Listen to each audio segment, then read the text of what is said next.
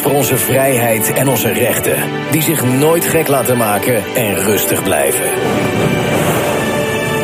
Dit is de Jensen Show. Robert Jensen.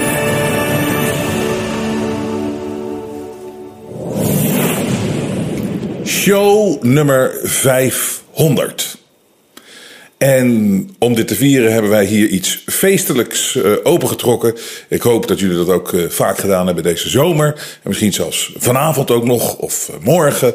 En dat jullie dat blijven doen. Dat jullie blijven genieten van het leven. Ondanks het feit dat we in zeer en door zeer zwaar weer getroffen zijn. Maar cheers, show 500. En ik zeg dit uit de grond van mijn hart. Zonder jullie was dit niet gelukt. Het is ongelooflijk dat we al zo ver gekomen zijn in drie jaar tijd. En op ons allemaal, op onze gezondheid, op ons geluk, op onze kracht, op ons doorzettingsvermogen. En als het aan mij ligt, ga ik hier nooit mee stoppen. En is dit gewoon de eerste 500 shows. Um, maar ik wil toch even stilstaan bij het feit dat wij inderdaad een zware tijd tegemoet nog gaan, met z'n allen. Niet bang voor zijn, we kunnen het aan. Maar je voelt het aan alle kanten aankomen. We wisten het ook al. Dan heb ik ook uh, vaak gezegd: geniet van deze zomer. Laat je op. Wij zijn hier helemaal opgeladen. Wij kunnen er weer vol tegenaan. Maar het zijn gewoon zware tijden.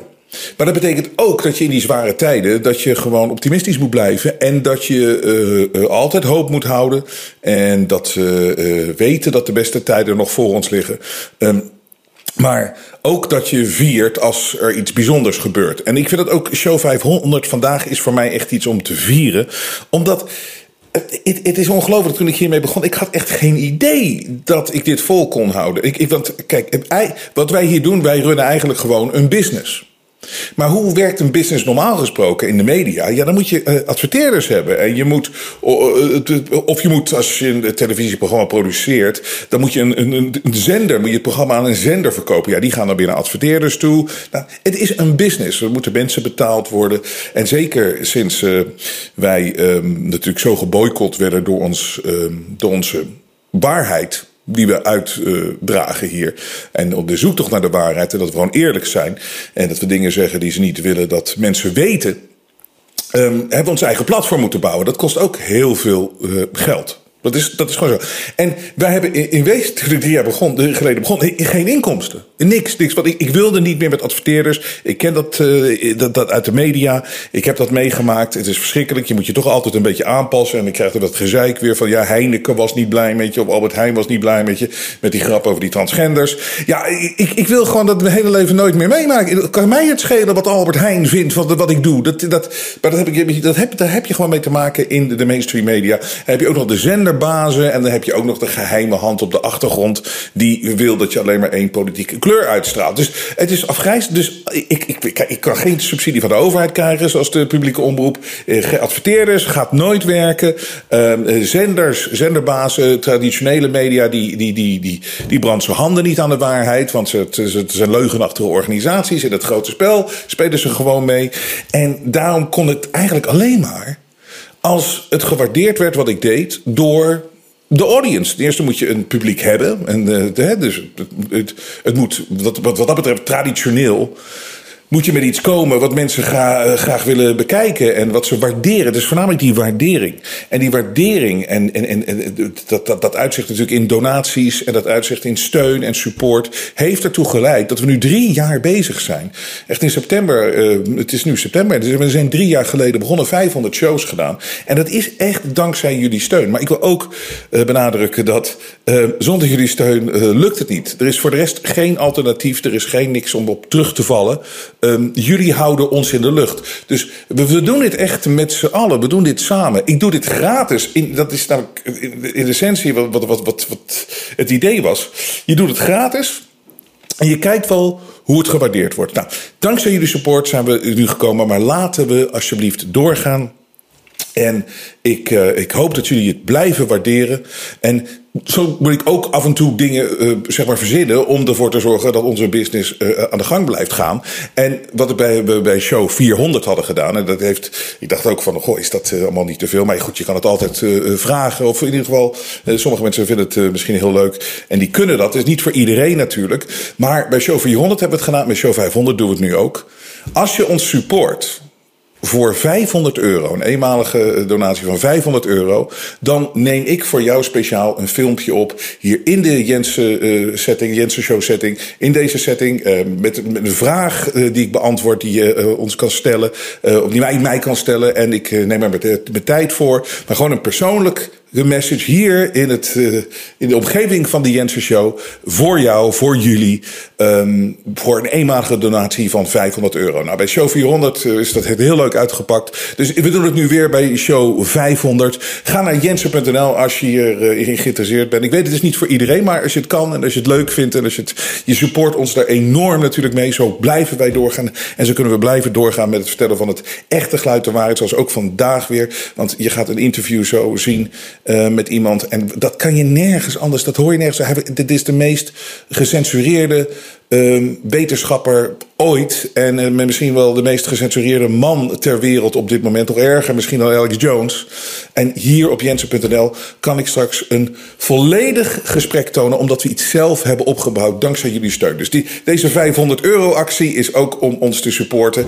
En uh, ga naar jensen.nl, er staat een banner. Dan kan je het zien. Dan kan je een e-mail achterlaten als je de donatie maakt. En vragen stellen. En we nemen contact met je op. En dan krijg je een video van mij persoonlijk. Toegestuurd. Um, en wat we ook bedacht hebben, wat, wat ook aardig is, 500 cent.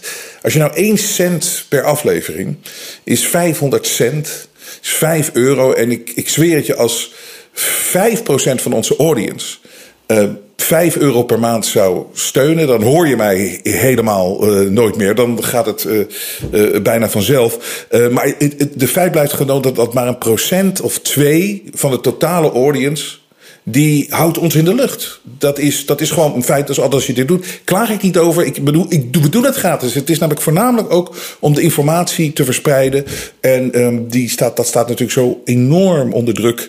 En de censuur is zo groot. Maar 500 cent. 500 cent, 500 afleveringen, 500 cent. Wij hebben een, een, een, een maandelijkse uh, ja, service. Dat heet petje, uh, petjeaf.com. Petjeaf.com, daar werken we al vanaf het begin af aan uh, mee. En dan kan je maandelijks ons supporten. Dat loopt wat naar beneden, en dat weet ik ook wel, want dat zijn voor heel veel mensen moeilijke tijden.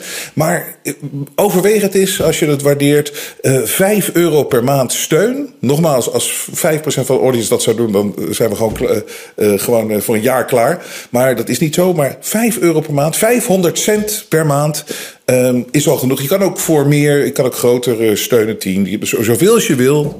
Um, ga naar petjeaf.com. Dat staat ook gewoon bij ons op de, op de website. Dat loopt wat terug, de maandelijkse donaties. Nogmaals, ik begrijp dat. Maar kijk ook nog even of, als je denkt dat je maandelijks doneert, of dat wel klopt. Want één keer per jaar is het goed om even te controleren of je gegevens nog kloppen. En of je niet. Uh, misschien uh, niet meer steunt uh, op die manier. Um, maar dus dat hebben we voor de 500ste aflevering. Nogmaals, um, mijn dank is zo groot. Het is zo mooi om dit te kunnen doen. Uh, cheers. Ik neem nog één slok en dan gaan we ervoor. En ik weet, er is veel gebeurd afgelopen weekend. 70.000 man op de been in Praag. Er was natuurlijk in, uh, in Amsterdam, waren er ook demonstraties. Mensen worden wakker, mensen pikken niet wat hier gecreëerd wordt met deze nieuwe wereldorde. En we komen nog moeilijke tijden tegemoet, maar het zijn allemaal positieve, positieve ontwikkelingen dat mensen echt wakker worden. Maar is veel nieuws, maar we gaan het vandaag even iets anders doen, want ik heb een heel bijzonder interview. Nieuwsalarm. Exclusief op Jensen.nl een gesprek met dokter Michael Yeadon. Hij was chief scientist en vice president bij Pfizer. Dit is een insider van Pfizer.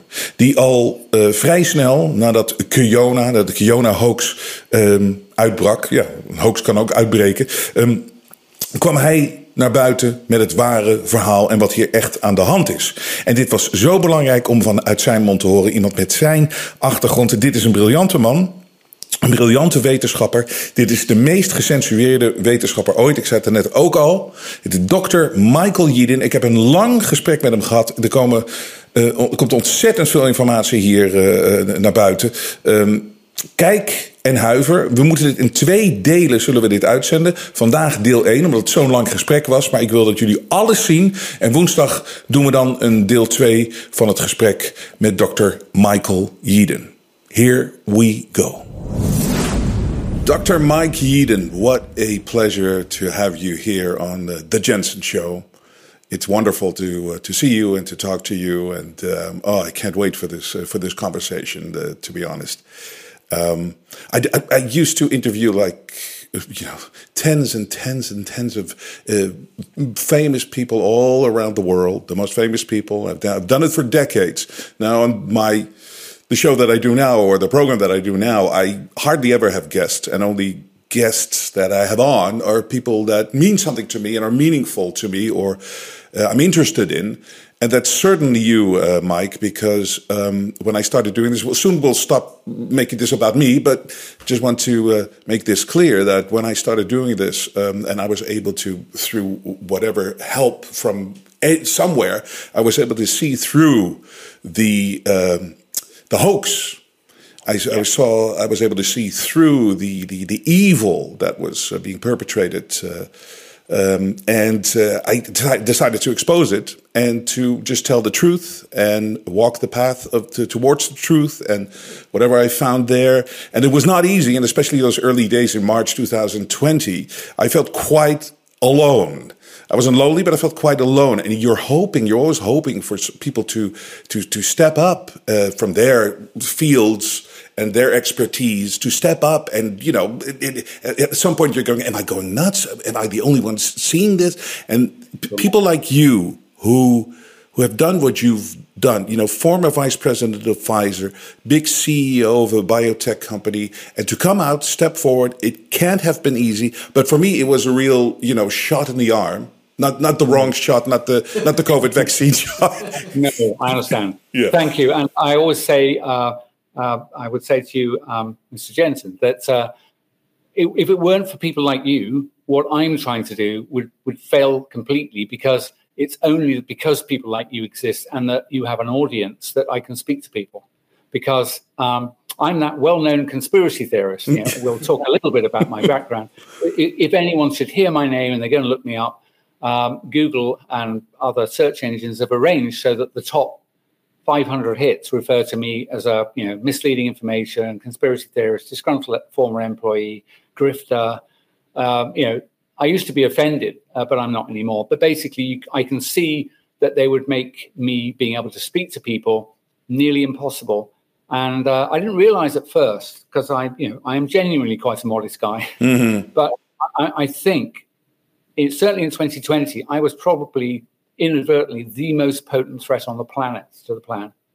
I can imagine. And in fact, in, retrospect, I'm surprised they didn't murder me. Um, and I now realize why they didn't need to go to all that medieval stuff. And that's because technology has done the same job.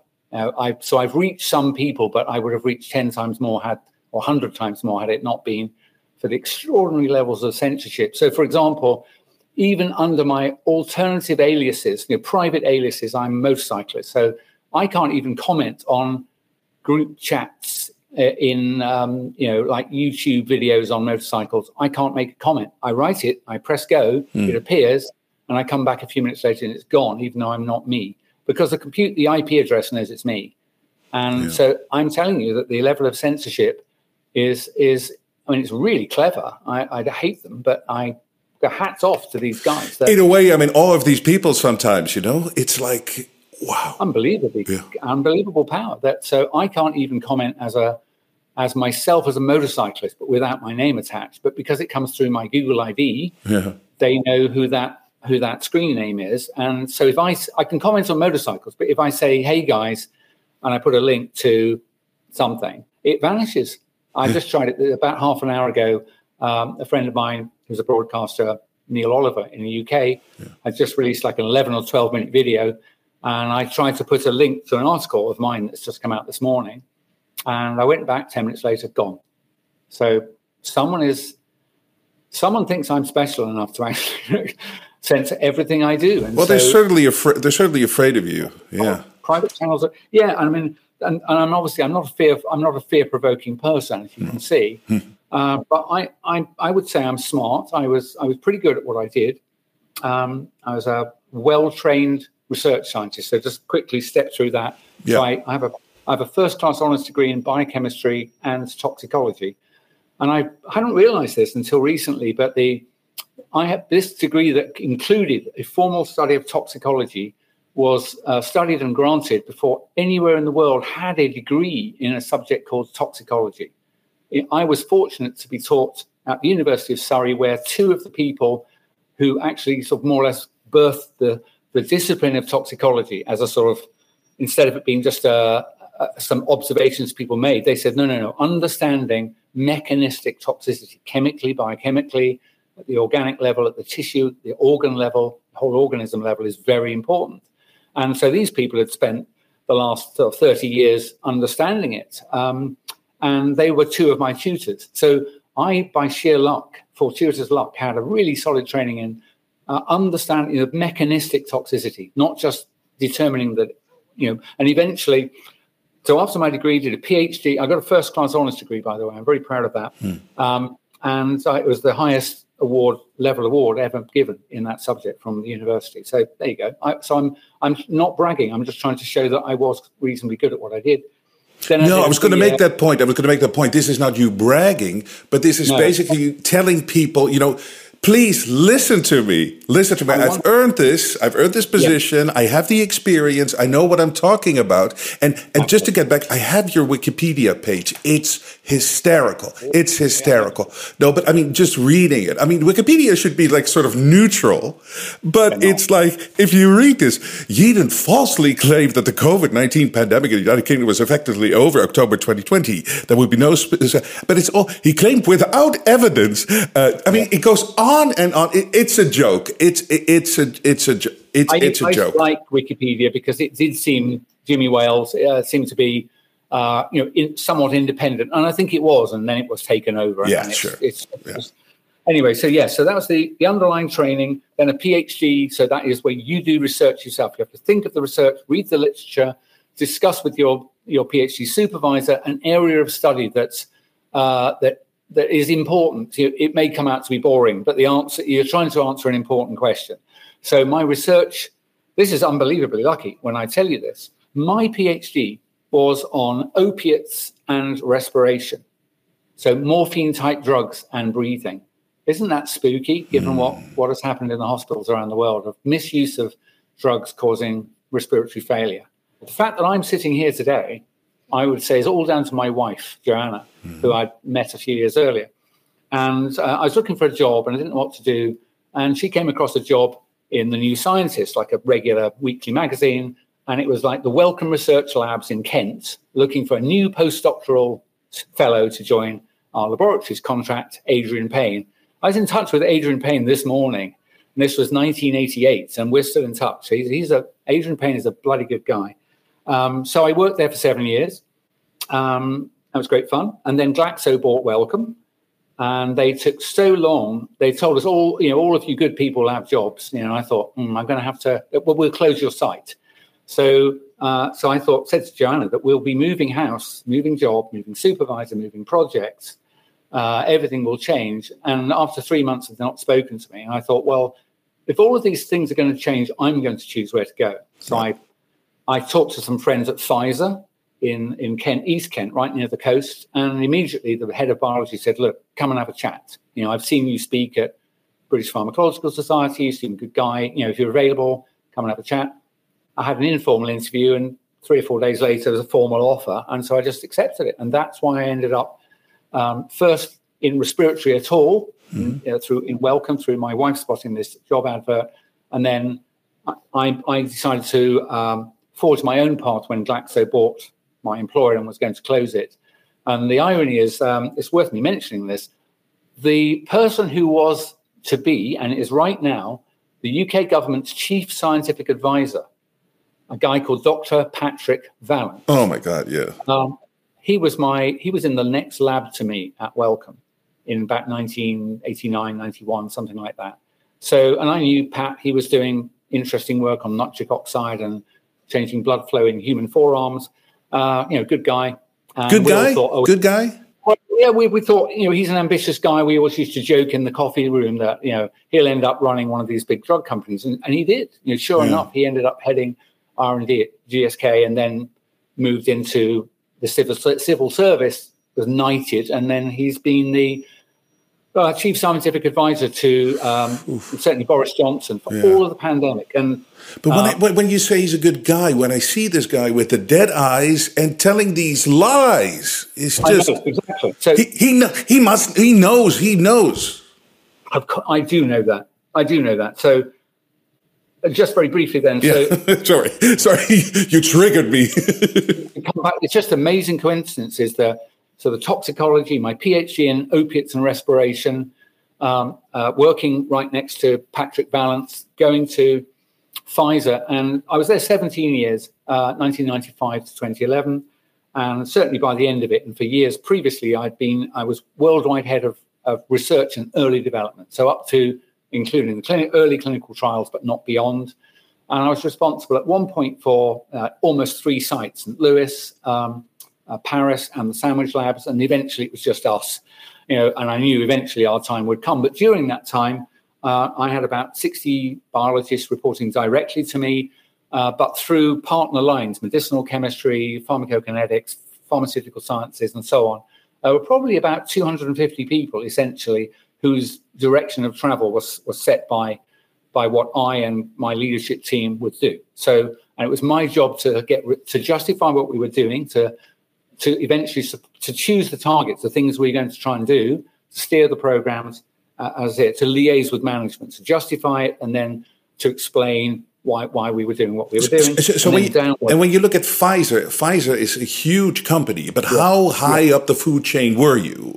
You're, well, exactly. So, believe it or not, vice president is, um, I would say, if you start at the CEO and then you go all the way down level by level by level until you reach the lab rats in the cages, I, am literally one click up from the middle. Okay. So above, above me, there would be something like senior vice president who would run yeah. a division. Executive vice president probably would run the site. Right. Big research site thousands of people. So my boss's boss was EVP. And then above that, you become president of something and then whatever, board member, and then CEO. So uh, there weren't very many above me, but there were a lot of levels. Yeah, because it's a big company. Seen, I probably would have been maybe one of 15 or 20 people at that level on the site of two and a half thousand. So, but does, does this include meetings with the CEO or? No, I, I was. I did have. I did have. I think two meetings with the CEO. One as a group, and one where I personally made a, an appointment to see not Albert Bourla, but his predecessor, a guy called Ian Read, who I thought right. was a. He seemed a pretty good CEO, but I was still naive about what these companies are capable of. But so yeah, so but, th- but this is this is interesting too. This just pick up on that is that when, when you listen to somebody who is obviously so qualified as you are, but you're basically doing a you think you're doing a good job for a good company and there's so many yes. people. I mean, we can demonize all these big uh, tech companies or, or uh, the, the, these big pharma companies as much as we can, but a lot of people are just, you know, they work there. And even in, in, in places like the World Economic Forum, people do things and they don't even know who's running things no. at the top and what's happening at the top. They think they're doing a good job. I think that's true. That is that is true. So certainly, I, I mean, I I, I encountered only. Um, I'd say two bad bits of seriously bad bits of behavior that I detected in my entire professional career within the industry. Uh, and it was not even in either of the jobs I've mentioned. I worked briefly for another company, and it was briefly because quite quickly after being there, um, basically my peer and my boss introduced me to the idea of a fraud that they were going to commit. They hmm. basically their data wasn't good enough. They were all going to lose their bonuses, and so they just more or less said, well, we're just going to amend it. And it's like everyone will get their bonuses, no one will be harmed. Uh, when all this comes down again, someone else will be in these seats, so don't worry about it. Well, I, said, I remember saying to my wife, I was in such a panic. I thought, I can't, there's no point in being a scientist if, if things don't work, you just make the numbers up. And I was a young guy, uh, 31, a only breadwinner, I have a young baby. And the right thing to do in the end was the only thing I could do. I just resigned, you know, just. Yeah know, but anyway, so it told it is, me. It is fidgeting with the numbers now. We see that in a yeah, completely different light. Huh? I, give you, I give you this as an example, not because I'm clever or moral, but it's like when you're faced with something you know is absolutely wrong. Right. If you can't fix it, and I, I had no idea. I mean, what can I bloody do? I was 31. You know, what am I going to do? Go and see the boss of the site and expose this fraud? I mean, you know, so but I'm, what I'm saying is, faced with things that I knew were wrong, even though it, the inconvenience was more than minor. You know, mm. it's like I didn't have a job; I just left. Mm-hmm. Um, anyway, so so uh, that just I just think everyone wants to do that, and I'm I'm sick of doctors telling me I've got a mortgage. That's why I've not spoken out. It's like, well, I'd like to use a word beginning in F, but you know, just you. It's like this is this is why we're in trouble because people who see bad things, it's worse than bad. I mean, it's like they are I've heard of doctors saying through to other doctor friends of mine that we've worked out these vaccines are dangerous. And so, you know, guess what? We're not going to inject our family or children. But and then the person said, Yeah, but you're injecting everybody else's children. It's like 15 pounds a go. They're literally doing that. I can't believe it. You know, they're literally they don't seem to realize that that's just the same as the people who push people into gas chambers. It's it is. It is. It's it exactly is. the same. You look at the telemetry of you realizing things are wrong. You don't want to say anything. You try and go on and not be the committer of crimes, but you know eventually, while everyone else is doing it, so I'll do it and I'll protect my own.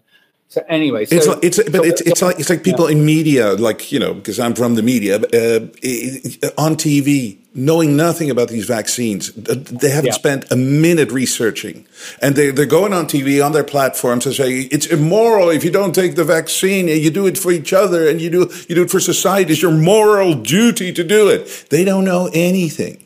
No, they, and they it's, it's, so much disappointing behavior from so many people, huh? After the doctors, I do blame the media people because yeah. uh, they are the people that others have been watching for two years and eight months. And they, uh, I'm told there is this concept of the trusted voice, I mean, or trusted person.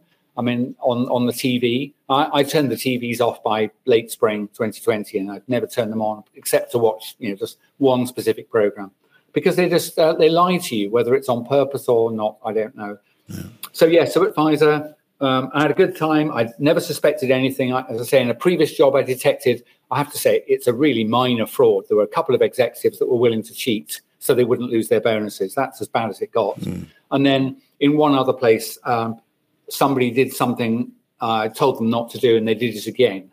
Um, and at that point, I was much more senior than they were. And I said to them that you need to now leave this employment because I will not cooperate with you ever again under, on anything. So uh, so they quietly left and turned up somewhere else. But uh, so that's it. I never, I heard about Pfizer having horrible fines for uh, whatever it was called, mis-selling or inappropriate, unlicensed promotion of whatever it was, drug A, B, and C, and they got a $2.3 billion fine. Yeah. We were not happy in research for a number number of reasons. One is I don't know, none of us wanted to work for a criminal organization. we were offended this had happened because we were trying to do trying to create new drugs and trying to relieve suffering and so on. Um, and then, secondly, of course, all of that money being spent means the company is poorer and we're all more vulnerable. So don't do it. Um, but I, but. I, I, tell you one thing that's very important. People know um, that uh, I think this is true. Certainly, was true of Pfizer. Then what are called uh, therapeutics division. So I worked mostly in what are called small molecules, things that would be crunchy white powders in a tablet or a capsule, uh, or maybe an inhaler device, things like that. And then there are other people who work in injectables. So those are the like monoclonal antibodies that can treat uh, rheumatoid arthritis, psoriasis. They really are miracle drugs, some, some of these things. But the third category of vaccines runs in a completely hermetically sealed organization, and there's no connection between them. And really? I think I know why. I never thought about it before. And the reason is the whole bloody thing is fraud. wow. You know, they're fraud. You know, they, they don't work. And, uh, and certainly where it comes to COVID, I'm convinced, well, I'll come on to that, but the, yeah. Uh, the yeah, there's, there's no question that the COVID 19 vaccines, I'll, I'll say it outright. Um, I will say it in court and I can provide chapter and verse to support this. Um, vaccination could never have been an appropriate response to a respiratory viral pandemic, even if the narrative they told you about that was true, which it wasn't. Let's just accept it was true for a moment. It could never have worked. Let me explain why in two sentences. The reason the vulnerable, who are the elderly and already ill, are vulnerable is that their immune systems respond poorly to new threats. Those same people respond poorly to new vaccines. Consequently, it didn't matter what you did, it didn't matter how good the vaccine is, their immune system is the thing that won't respond. Why ever would you think they'd respond to a vaccine, which is a piece of the pathogen, if they won't respond to the pathogen? Now, let me just tell you, this will shock people. The influenza vaccines or flu shots that have been given to people generally over what 50, 60, all around the world every year offered. You don't have to have it.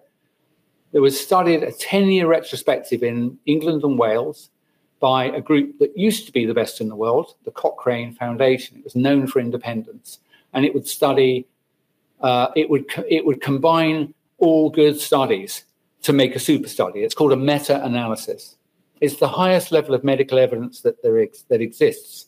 And their conclusion was that with 10 years of administering these to uh, volunteers who were 60 and up, and they compared them case control with people who didn't take the vaccines, they made no difference to hospitalization or deaths over 10 years. The whole thing is a fraud. I'm sorry. I, the evidence was there before me and I never looked because it's not my business to look. But Peter McCullough is the same. Peter McCullough is a cardio renal specialist and he's never looked at the data. Why would he? You trust the literature, you trust what you're being told. So, but this is the point. I must come back to this point. The people who told you in early in 2020, Gates and others, obviously Gates isn't a scientist, he's a college dropout uh, who made a lot of money selling dodgy software.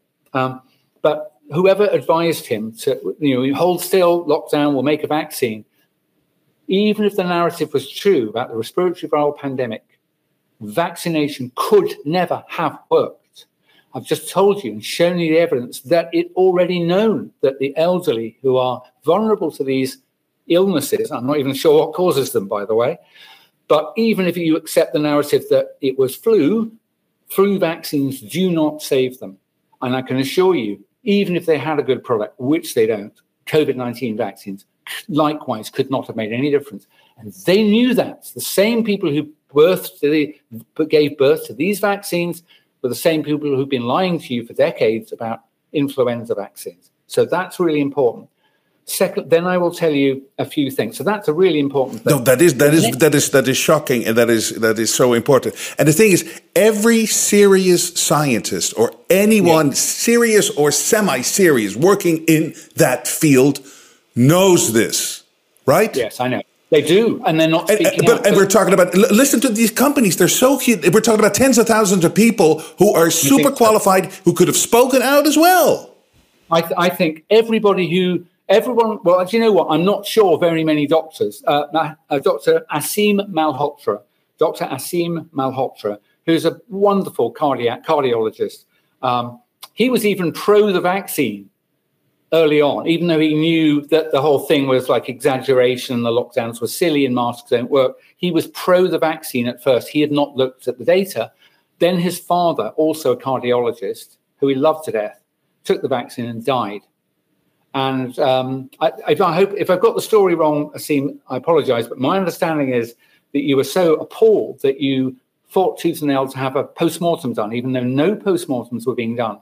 Did you know that? Your listeners don't know this, that post-mortems have almost ceased in the world by coincidence at the start of this. And that's so they can't tell how they died. But anyway, so well, not just not just looking for not just looking for COVID, but for any any post-mortem has been stopped. The main the main thing is that they didn't die of COVID. Right? Oh, true. That's oh. where I'm going to come back to. Right, exactly. So anyway, so a, a post-mortem was held and uh, findings, I think, in his father's heart are exactly as you would expect them to be. Now we know what we know about the vaccines, and the man was killed by by one of these COVID nineteen vaccines, and so Aseem um, uh, has become, you know, rightly and rationally very vocal. That's not the reason he's done it. It's but that was something he has suffered along the way. So the other thing to say, and this is a point of safety. Um, how long, I wonder, do your listeners think it might take before you could acquire a sufficient, sufficiently long safety database so that it would be okay to just go off and inject billions of people. I would say yeah. I probably would want at least two years safety data. Let's be generous and say it's one year. Oh come on, the, five five years minimum. If you if you do it on this scale, if you if you shoot it up people's arms. People don't understand that the amount of safety data they had, even if you believed they behaved honorably, which they didn't, but even if they behaved honorably, they had 2.5 months of post dose experience. So that's all they knew. If your legs fell off after three months, they would not know that because they had no experience of what happened after 2.5 months any longer. So I would say here's the thing if you're thinking of using a brand new vaccine in a public health emergency where you're going to inject lots of people, you need safety data that's so strong that you will not harm people. Because if you yeah. blast away at the population, the most certain outcome from, as a toxicologist, I would say, is you're going to hurt lots of people because you've no idea. You literally no idea what will happen. And, and, they, they, used to do this, Mike, didn't they? They didn't. They, they, used to do this, but they, they were able to bypass it because it was a crisis. And there was something Fauci set up, wasn't it, in 2018 or 19? Yes, they did. Basically, we have to create a crisis so we can bypass and short circuit these things. But yeah. so just to appeal to the uh, to your heart that uh, basically your children, folks, if you've let them, have been injected with a molecule. Um, and I've got worse for you, but for which they had so little safety data, you would probably not allow a pet of yours to be injected wow. because no one had any idea what will happen. They don't. They didn't even know. I don't even think, and they didn't care. It's reckless. So, and I, uh, basically, I won't. I won't name him because he'll be embarrassed now. You're not allowed to say this. That uh, a lot of people have said, "Oh, don't be silly." They did all the normal tests. They just did them faster. They did them in parallel. They spent more money. So, a famous phrase from, from a senior friend of mine was he said, sometimes you can't go faster, no matter how much resource you throw at a problem. And he said, his example is you can't make a baby in hmm. one month with nine women. no, correct. Right? Yes, it's, yes, a good one. So basically, you can't get a year's safety data in six months. No. It doesn't matter how many people you test, you still only got a few weeks. So here's my point. First, the vaccines could never have worked, and I've given no. you evidence that showed that we knew this already. Secondly, they could not be safe, they could not be known to be safe enough to be given widely, and yet they gave them. Those two things are criminal, deliberate, uh, their recklessness at the very best. Yeah, and we're, we're going to get to we're going to get to why they're doing this uh, a little later. But first, I yeah. mean, for me, I was able to work this out. I'm not a scientist. I mean, but I was able to work all this out just by using common sense. Yeah. And I went one step back. It's I was looking at the data. I was looking. Here's this is the only this is the only question people still need to ask themselves. And if we go back, and we should never let this go, how dangerous was this? Yes. So there, yeah, it's, it's, as simple as that. Be like a child. How dangerous is it? So yes. okay, that was very obvious, but within two months, it's not that dangerous. So you no. don't need anything. You don't, you don't need, need, a shot. Uh, the, exactly. I say to people that it was it was blindingly obvious that they were lying um, they, they, could not. It could not possibly be what they said it was. Do you remember people falling on their face in Wuhan? Yeah, I remember. Yeah. That for me, it's just like I thought this is a movie set. It's like, you, it, I, yeah, you, you, you, you're walking, they tell you that you're walking the street and all of a sudden, oh, a virus, ooh, it's gone. Exactly. I can assure you, I don't believe a single person has ever died of a respiratory virus of any kind in that way. in a split second. down, right? Yeah. I don't, I think, and it's never happened since, folks. No. So that alone should tell you it was the whole thing was a performance. So, and, and as you've said, Robert, the um, even if you believe, I keep going around this loop. Even if you believe the story they told you about cases and COVID deaths, it still isn't dangerous enough to have done anything at all. Every and conversation, every conversation about this, every action, every policy can stop after answering these two questions honestly. Yeah. How dangerous yeah. is it? Okay, yes. Okay, we might need something. No, okay, we forget about the whole thing and we move on. And, and this, so, this, yeah, so they, it started with the whole thing. I'll just say it. There's like four components, yeah, and then yeah. unfortunately, it's within a wider component. Yeah, really we'll get to that. We'll get to that. We'll get to that. so I have to do it quickly because we're half an hour, forty-five minutes. So it, it, the COVID event, the COVID event was entirely planned, and it's all synthetic, all fake. Um, I'm not saying people haven't got ill. They have got ill. They've, they've got ill. They've been stressed. They've actually died in larger numbers. Many of who died because of literally med, deliberate medical malpractice. It's essentially it is murder in care homes and hospitals. But uh, so they, they, they lied about a horrible new virus. They created the story of a pandemic. They used uh, the six media companies and the five tech companies to make sure you're flooded only with this narrative, and and any competing voice was censored and smeared and smashed. And the purpose of that was to get you to accept um, so called measures lockdowns, masks, social distancing, border closures, business closures, school, and blah, blah, blah. They got you to accept these, these things because there was a, an emergency. Now, I don't know if you know this, you may not know this, but two things. One is every one of those measures, every one of them, from masking to lockdowns to border closures to mass testing, was known before they used them to be ineffective for the purpose advertised.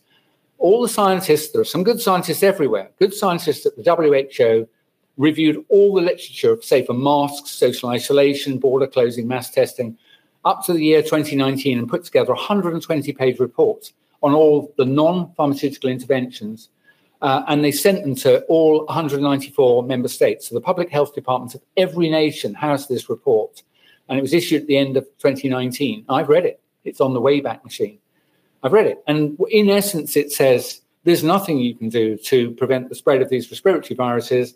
Uh, all we can suggest is that if you are sick, that you stay home uh, to avoid spread. Um, and obviously, if you are very ill, very very ill, then you, you would need to seek medical help. But otherwise, yeah. most people will will recover, and the only ones who who likely die are the ones who are like 70, 80, 90 and already ill. So it's like, don't panic. That's what, and then every country had a pandemic plan that said that. Every, I've read the Brits, I've read the Germans, the French, the Italians, and the Americans. They all said pretty much that. Yeah. Guess what? Uh, in, in the space of one week in March 2020, every country they discarded the plan they'd, they'd rehearsed for 10 years and instead imposed these ridiculous measures lockdown, masks, social distancing, business closures, border restrictions, mass testing, all of that. i t- I've just told you, I am certain as a scientist, I've spent 40 plus years training and practice in the area of respiratory, immunology, measurement, you know, assess assays, things like that, tests. It's all bullshit. And the worst thing is, they knew it was bullshit. All the governments knew it was bullshit before they did it. And in the case of UK, two things happened. One is uh, a man called Professor Neil Ferguson, who I should, I should really call him the Gates Scholar at yeah. Imperial College because his entire unit is paid for by one of the globalists. Bill Gates. And uh, he's, he's uh, Neil Ferguson isn't even an, he's not a biologist. No. He's not a medic. He's not a doctor. He's a, a physicist. His training is theoretical physics. Yeah. And I don't mean to be unkind to the guy, but he has he's made his career out of models. Models. Now, I mentioned fake models. I, Lying I models. I, I, mentioned the Cochrane Foundation, and that's uh, an analysis of all controlled trials. That's a meta analysis. That's the top level of medical evidence. Obviously, if it's corrupted, it's useless as well. But the method is that if you do it honestly, that's the best evidence there is of reality in our medical world. If you go down seven clicks, you come to hunches, hypotheses, mm. ideas, models. yeah. Okay, I'm serious, folks. Yeah. Right at the bottom of the hierarchy this is you would have a chat about something based on a model. You would never take action based on a model. Certainly, if you couldn't validate the model through showing that it worked historically and therefore should work this time. Uh, and it's taken us like decades to even work out how to do a weather forecast that works for longer than a day or so in right. Northern Europe, where they. Now, those models are just creating fear for something that will it never come. That will never come. But the but the action is we need to take the steps now. They've done it with climate change. It's I, I, I, I, I, we need to unpack a few things that you've you, have you, you've mentioned. I mean, there's so much. To be honest, there's I'm so much. I'm afraid. I've, so just to, for your audience to know, I've, I've I've probably given 75 interviews, and I, even I can't find them because they belong to the person who interviews me. Yeah. And, and I sometimes get the link, sometimes I don't but even I can't find more than about a dozen of my interviews. So effective yeah. is no, but this, this one will be up. This one will be up and protect and protected, Mike. But here, here's here's here's my question for you because this is yeah. this is the way I approach it. I mean, so it's for me, it's very simple to to expose what's going on, basically by just pointing towards the fact that they've they call it COVID now, but if you look at the mortality rate and it's exactly the same as flu and some other respiratory uh, illnesses. It's exactly the same for 2020, 2021. But what has disappeared from the statistics is exactly yeah. that flu and the respiratory. And, yes. and, and, and, so this is just basically, uh, I still hate talking about COVID, using the, the, the, word COVID, because it's basically a virus that goes around every year. Um, uh, and it, it, may differ from one year to the next, but this was another one. But it's yeah. exactly the same. And they had to take out from the statistics, the yearly statistics, the deaths yeah. from the flu to, yeah. to get to a certain point. And people never realized how many people died from the flu each year. This no, they didn't. They, they didn't. And uh, so, I mean, I could I could spend hours and hours talking about this particular bit of the topic, but I don't think it would be helpful. But I, what I would say is, you you you hit it bang on the head. There never was a public health emergency, right? There never was a public health emergency. There was never a, a significant new health threat. I actually think there was no new health threat, but I will accept no significant new health threat. The threat to your health, folks, was your government's response. Yeah. Everywhere we look, people started dying only when they imposed the measures, which in, involved changes to hospital procedures, yeah. care home procedures.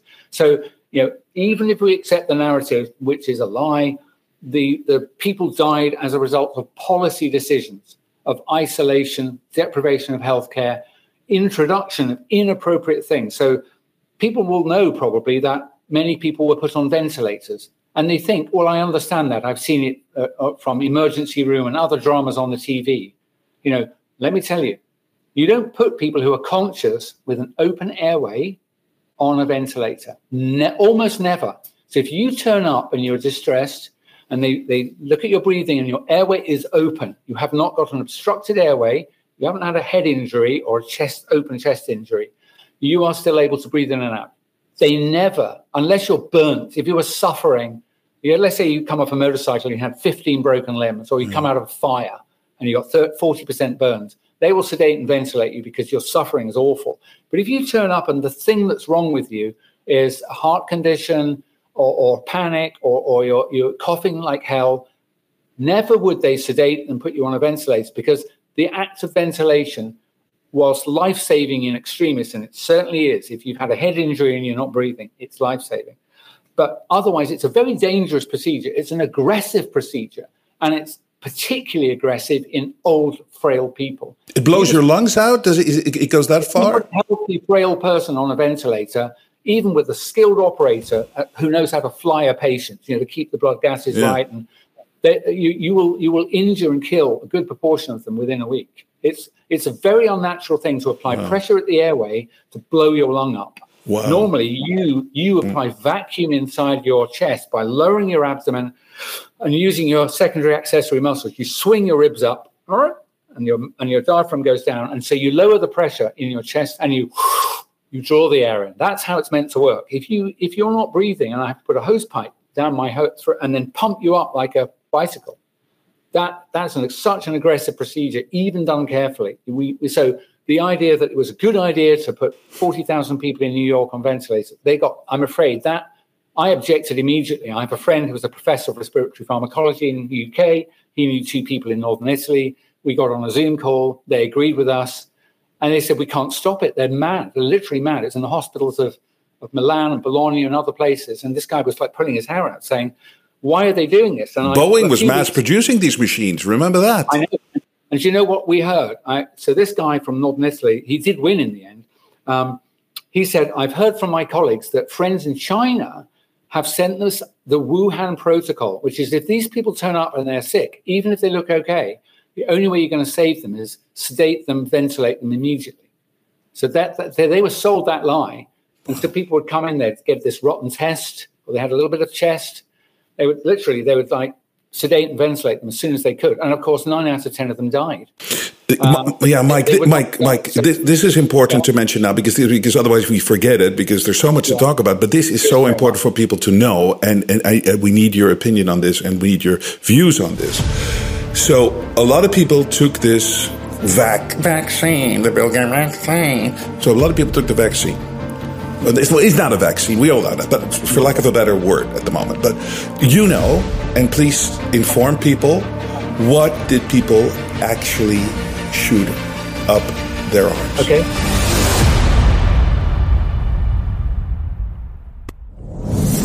Ja, ik weet, dit is een soort van cliffhanger naar uh, aanstaande woensdag.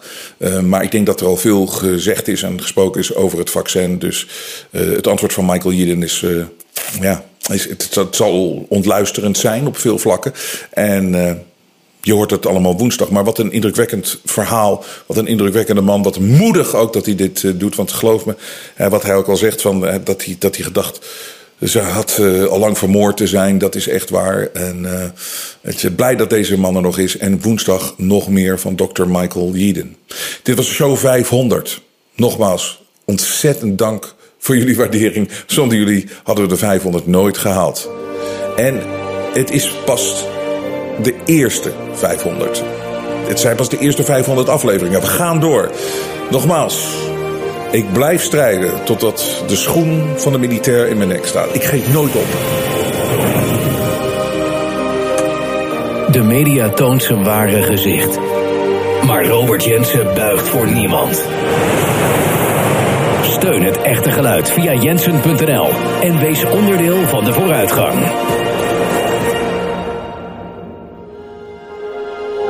Het vrije geluid laat zich niet censureren.